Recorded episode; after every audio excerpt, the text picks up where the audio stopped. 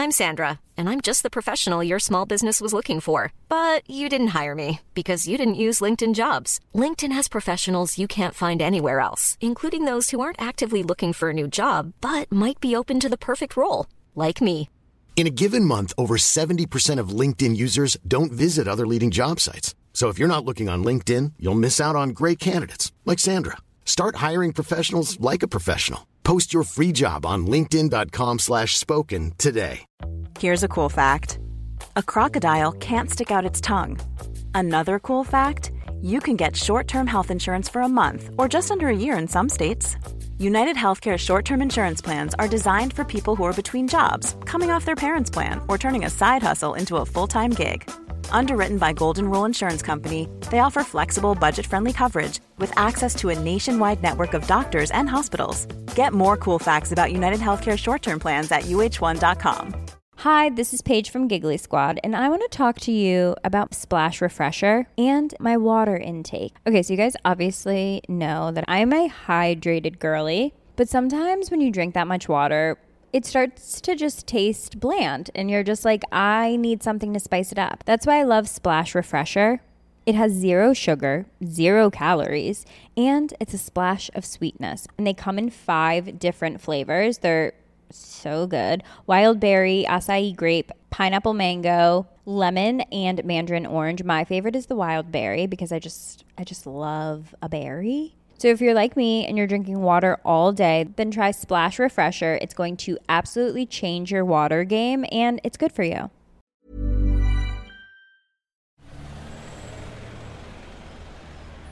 Vi er i London og står utafor platesjappa Crypt of the Wizard i bydelen Hackney. Charlie Woolley, en tidligere musiker av Metalhead, har drevet butikken i fem år. Dette er den eneste platebutikken i Storbritannia som kun selger black metal.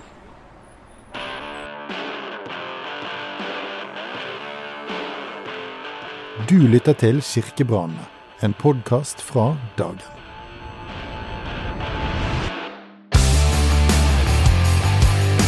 Det er 30 år siden kirkebrannene herja Norge. Et forferdelig eh, ildhav. Vi bare så flammene opp og brannslanger overalt. Det har vært snakk om sprenging av Nidarosdomen. The church burnings were the things that really caught people's imaginations, which brought Norwegian black metal into existence.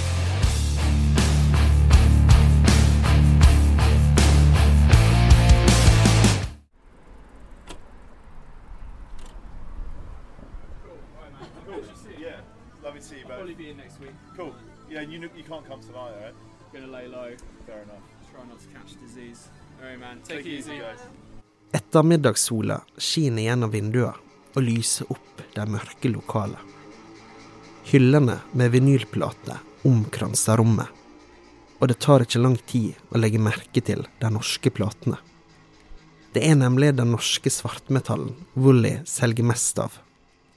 Etter at pandemien tvang han til å åpne nettbutikk, har han sendt norsk satanrock til hele verden. Han viser gjerne fram platene han selger mest av. The first and most obvious band that we sell a lot of records by is Mayhem. Um, you know, Mayhem were very significant to um, the, the the wave of Norwegian black metal that you're you're interested in, but they also um, are signed to uh, a UK label. Woolly går to steg bortover langs hylla, og begynner å blade i bunken med band som begynner på B. Han drar opp ei plate med svart cover, og det som ligner på mannen med ljåen. Another one that is obvious, very obvious, is going to be here somewhere. Is Burzum. I've been stocking Burzum records in the shop since I opened. They've always sold consistently. It's one of the things people come in here looking for. Bursum var bandet til Varg Vikernes, bedre kjent som Greven. Mannen som ble dømt for tre av de ni kirkebrannene i 1992. I still keep them in stock. Although Varg Vikernes is a difficult character, um, not the brightest guy in the world, he's got a lot of stupid fucking ideas, which are made, have been made very explicit by his YouTube channel, um, which is now banned as well. I mean, when we were kids, we thought he was terrifying, and now you, when you get the opportunity to listen to him speak his ideas, you realise that he's um, dangerous only in that he's quite stupid. But um, the music being mostly about Lord of the Rings seemed that it was sort of. I, I don't see an issue, the possibility of separating the art from the artist in this case. I sell them mostly to really young people or hipsters who want to come in and try something dangerous, you know? So I'd say most of the true metal fans probably already own them or have already heard them. So um, I find it slightly ironic that it's the thing you get in trouble for, but I only ever sell them to trendy kids. For Woolly begynte metal-interessa første gangen han hørte det britiske bandet Iron Maiden. Det var slutten på 1980-tallet, og Woolly gikk på videregående i London. Ikke lenge etterpå kom han i kontakt med noen eldre ungdommer på skolen. And they'd all dyed their hair black and they'd started a little shitty black metal band. And uh, uh, they were trading with Euronymous. They were sending letters back and forth and getting tapes directly. Um, it didn't mean anything to me at the time. But then uh, one of them gave me a copy of Death Crush, uh, the first EP by Mayhem, and it, it fucking blew my mind. I mean, to me, it just sounded like a punk record at the time. And uh, I never really thought about it again. Like, that was it. I was just down that pathway. I 1994 ble Storbritannia for alvor introdusert for den norske satanrocken. Metal-bladet Kerrang plasserte Varg Vikernes på coveret, og forklarte i detalj om kirkebranna og det blodige mordet på Øystein Aarseth. Woolly husker godt hvordan han reagerte. Kerrang var huge. Det var et stort magasin. And I think it's still going as a website or something like that. But back then it was a cutting edge magazine. And they put Varg Vikernes on the front cover. And like I said, to us, we w- we thought this guy was crazy. You know, we thought it was he was like this real dangerous figure. And I think the way you consume culture as a young person, it's a bit like flavors. You want the most extreme things, or at least I did. And so for me at the time, it just seemed natural that you would uh, appreciate someone who had done something so crazy, so, so like push something to so, such an extreme. It was, it was like a part of the music, part of the art was to push things like punk and, and like noise music. You wanted someone who was living the true version of what they said they were. So it felt like that at the time. I dag er han ikke like begeistra for verken kirkebrannene eller Varg Vikernes. Men han er klokkeklar på hvor viktig de var for black metal som sjanger. looking back at it as an adult um, now it, it, it's it's almost hard to believe that it was um, a lived part of, of, of culture that you couldn't imagine um, bands today committing such acts, doing such things. No one's so concerned with authenticity anymore. Um, I can't imagine a metal band today really pushing things to that extreme just to try and prove themselves. So I think it's a curious thing in culture. Uh, obviously, it'd be hard to say that I thought it was a good thing, but certainly it was. It was like an essential act in order to produce black metal as a genre, and even to call black metal a genre is controversial. It's not supposed to be a genre of music. It's supposed to be a, a, a lived experience, right? A way of doing things, a way of approaching things, as opposed to a sound. And I think. Uh, you know, it was a it, these things were very pure acts. Um, if you think of them purely as something from culture, but um, the reality of it, I mean, it's obviously very unpleasant. I mean, in so many ways, it's probably been great for Norway. Um, black metal is, has been one of the biggest cultural exports the country's ever produced. They lost a few churches, you know. Um, on the whole, they probably came out. They came out on top. It's probably good for uh, Norwegian GDP. Artikkelen i Kerrang skapte også en viss smitteeffekt i Storbritannia. Flere kirker og gravplasser ble vandalisert av band som ville bli like kjent som Greven. Det skapte reaksjoner også i metal-miljøet. Iron Maiden-frontmann Bruce Dickinson sa at satanistbølga var latterlig, og at de som angrep kirker, var rævhull som fortjente bank. Vi skal over til eh, det som eh, vel kanskje er Norges største kultureksport siden Hamsun, Grieg og eh, Munch. Slik hørtes det ut da Mayhem ble innlemma i Rockheim Hall of Fame i 2021. De siste åra har black metal blitt stadig mer anerkjent som musikkform, og black metal-banda har gått fra å være folkefiender til kulturell kapital. En av de som merker den internasjonale interessen best, er Kenneth Neseblod i Oslo. Og før du spør, ja, han heter faktisk Neseblod.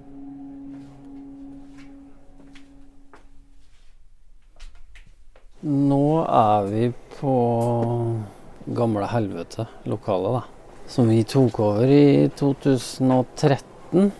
Eller tok ikke over, for det har jo vært masse imellom her. Men uh, det var liksom en mulighet for oss å flytte, da. Ifølge borettslaget så syntes de det var greit at vi kom hit. Så nå er vi tilbake igjen til røttene der det starta. Butikken har blitt ei blanding av platesjappe og black metal-museum. Som vi har vært innom tidligere i podkasten, så er disse lokalene historisk grunn for mange metal-fans. For black metal-fans er det like naturlig å reise til Oslo som det er for kristne å reise til Israel. Kenneth Neseblod er ikke i tvil om hvem som er den viktigste kundegruppa. Så det er egentlig en sånn Basisen her er egentlig mest turister. Og vi har jo selvfølgelig mye norske kunder òg, sånn lokale. Eh, men det er turismen som er De drar hit, og så drar de på Munch-museet, og så er det Holmenkollen og Vikingmuseet når det eventuelt åpner igjen. Sånn, så det er en rute, rett og slett. Fenomenet blackpacking har blitt større og større i takt med black metal-musikken. Og lokaler til gamle helvete har blitt et pilegrimsmål for mange black metal-fans internasjonalt. I turistsesongen har Neseblod besøk fra alle verdenshjørner.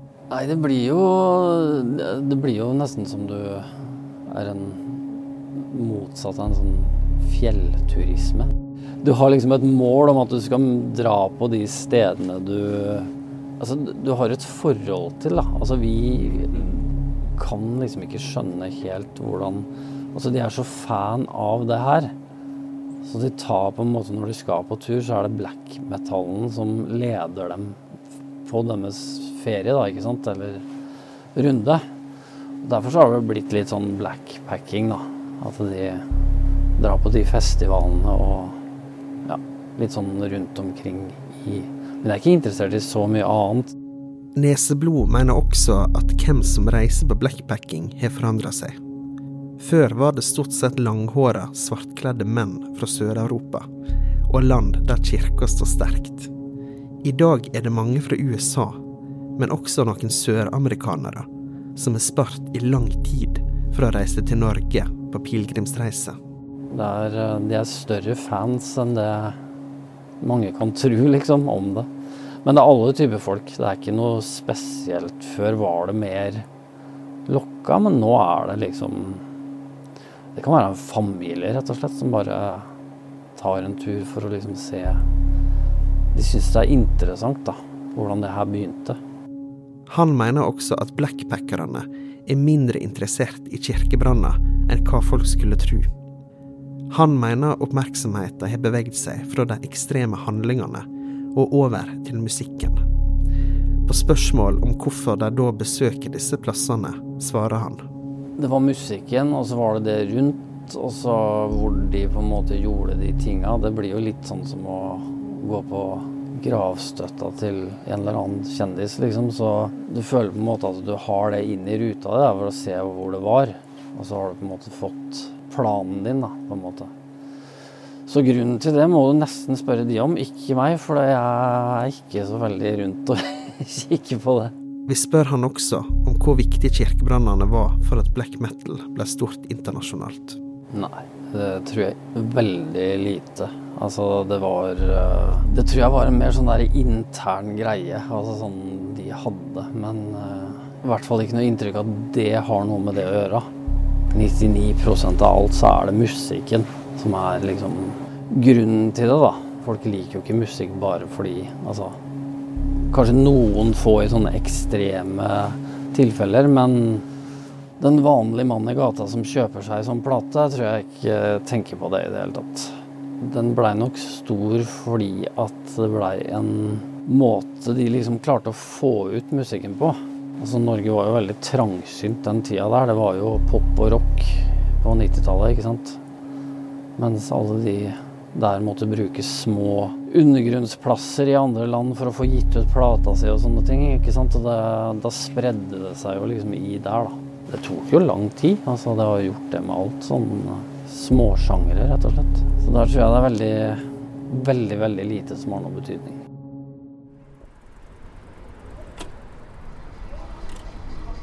Charlie Woolley i London er derimot av ei anna oppfatning. Han mener skrekkoppslagene av Varg Vikernes i Kerrang var starten for black metals gjennombrudd i Europa, og at kirkebrannene var avgjørende for at black metal ble stort internasjonalt. I think it was the sort of key act. It was almost like a ritual act which brought Norwegian black metal into existence. Part of something that sort of proves that is there were other acts around the same time. There were murders, there was violence that almost were less sensationalized. The church burnings were the things that really caught people's imaginations. Du har tidligere hørt Didrik Sødalind. På 1990-tallet var han musikkjournalist og skrev bok om black metal-miljøet. Han mener det norske black metal-miljøet i ei årrekke har prøvd å snakke ned betydninga av kirkebrannene, men at de i realiteten var avgjørende for at banda skulle bli tatt på alvor. Da black metal begynte å røre på seg i Oslo på sent 80-, tidlig 90-tall, så husker jeg at jeg og mine venner, som hadde bakgrunn fra hardcore punk særlig, hvor det var viktig å se litt sånn jordnær ut. Folk så litt enkle ut, liksom. Altså sånn, Gjerne en collegegenser og kort hår og Converse eller boots, liksom. Og så kommer liksom den her black metal-greia med liksom langt, svartfarget hår, sminke, neglelakk på gutta, åletrange lærebukser. Det var en sånn ufrivillig homoerotisk vibb over det hele, da, ikke sant? Eh, det var ganske fjollete. Jeg husker vi lo av dem. Og det var mange som syntes at dette så ganske teit ut. Helt til kriminaliteten, drapene, volden begynte. Og da ble det plutselig skremmende på en annen måte. Black metal! På YouTube finner vi flere videoer av svartkledde black metal-fans som besøker Fantoft stavkirke. Å besøke de gjenoppbygde kirkene har blitt en del av pilegrimsreisa for mange blackbackere. Når det blir arrangert black metal-festivaler i Oslo, har kremmerne i black metal-miljøet arrangert guida bussturer i Oslo og i Bergen. Visit Oslo har til og med en egen artikkel for blackbackere som kommer til Norge, og inntil nylig ble det anbefalt å besøke Holmenkollen kapell. Sørdalin mener fenomenet blackpacking sier mye om reinvaskinga som er skjedd i svartmetallen. Samtidig som banda prøver å utnytte historia så best de kan, ønsker de fleste å distansere seg fra kirkebrannene. Det har blitt mainstream. Det har eh, blitt eksportvare. Og det har nesten blitt en tendens til at man helst ikke vil snakke om de tingene som skjedde på 90-tallet. Ikke minst fordi bandene vet at det kan koste dem spillejobber og turnéstøtte fra Rikskonsertene osv. Så sånn at det har vært en veldig, veldig endring i synet på dette her. Til dels med rette, fordi veldig mange av de som lager black metal i dag, hadde ingenting med det der å gjøre på 90-tallet. Uh, og har heller aldri noensinne begått en kriminell handling. Og er helt normale, hyggelige, lovlydige, moralske folk. Black metal er kommersielt sett større enn noen gang. Det er også satanismen.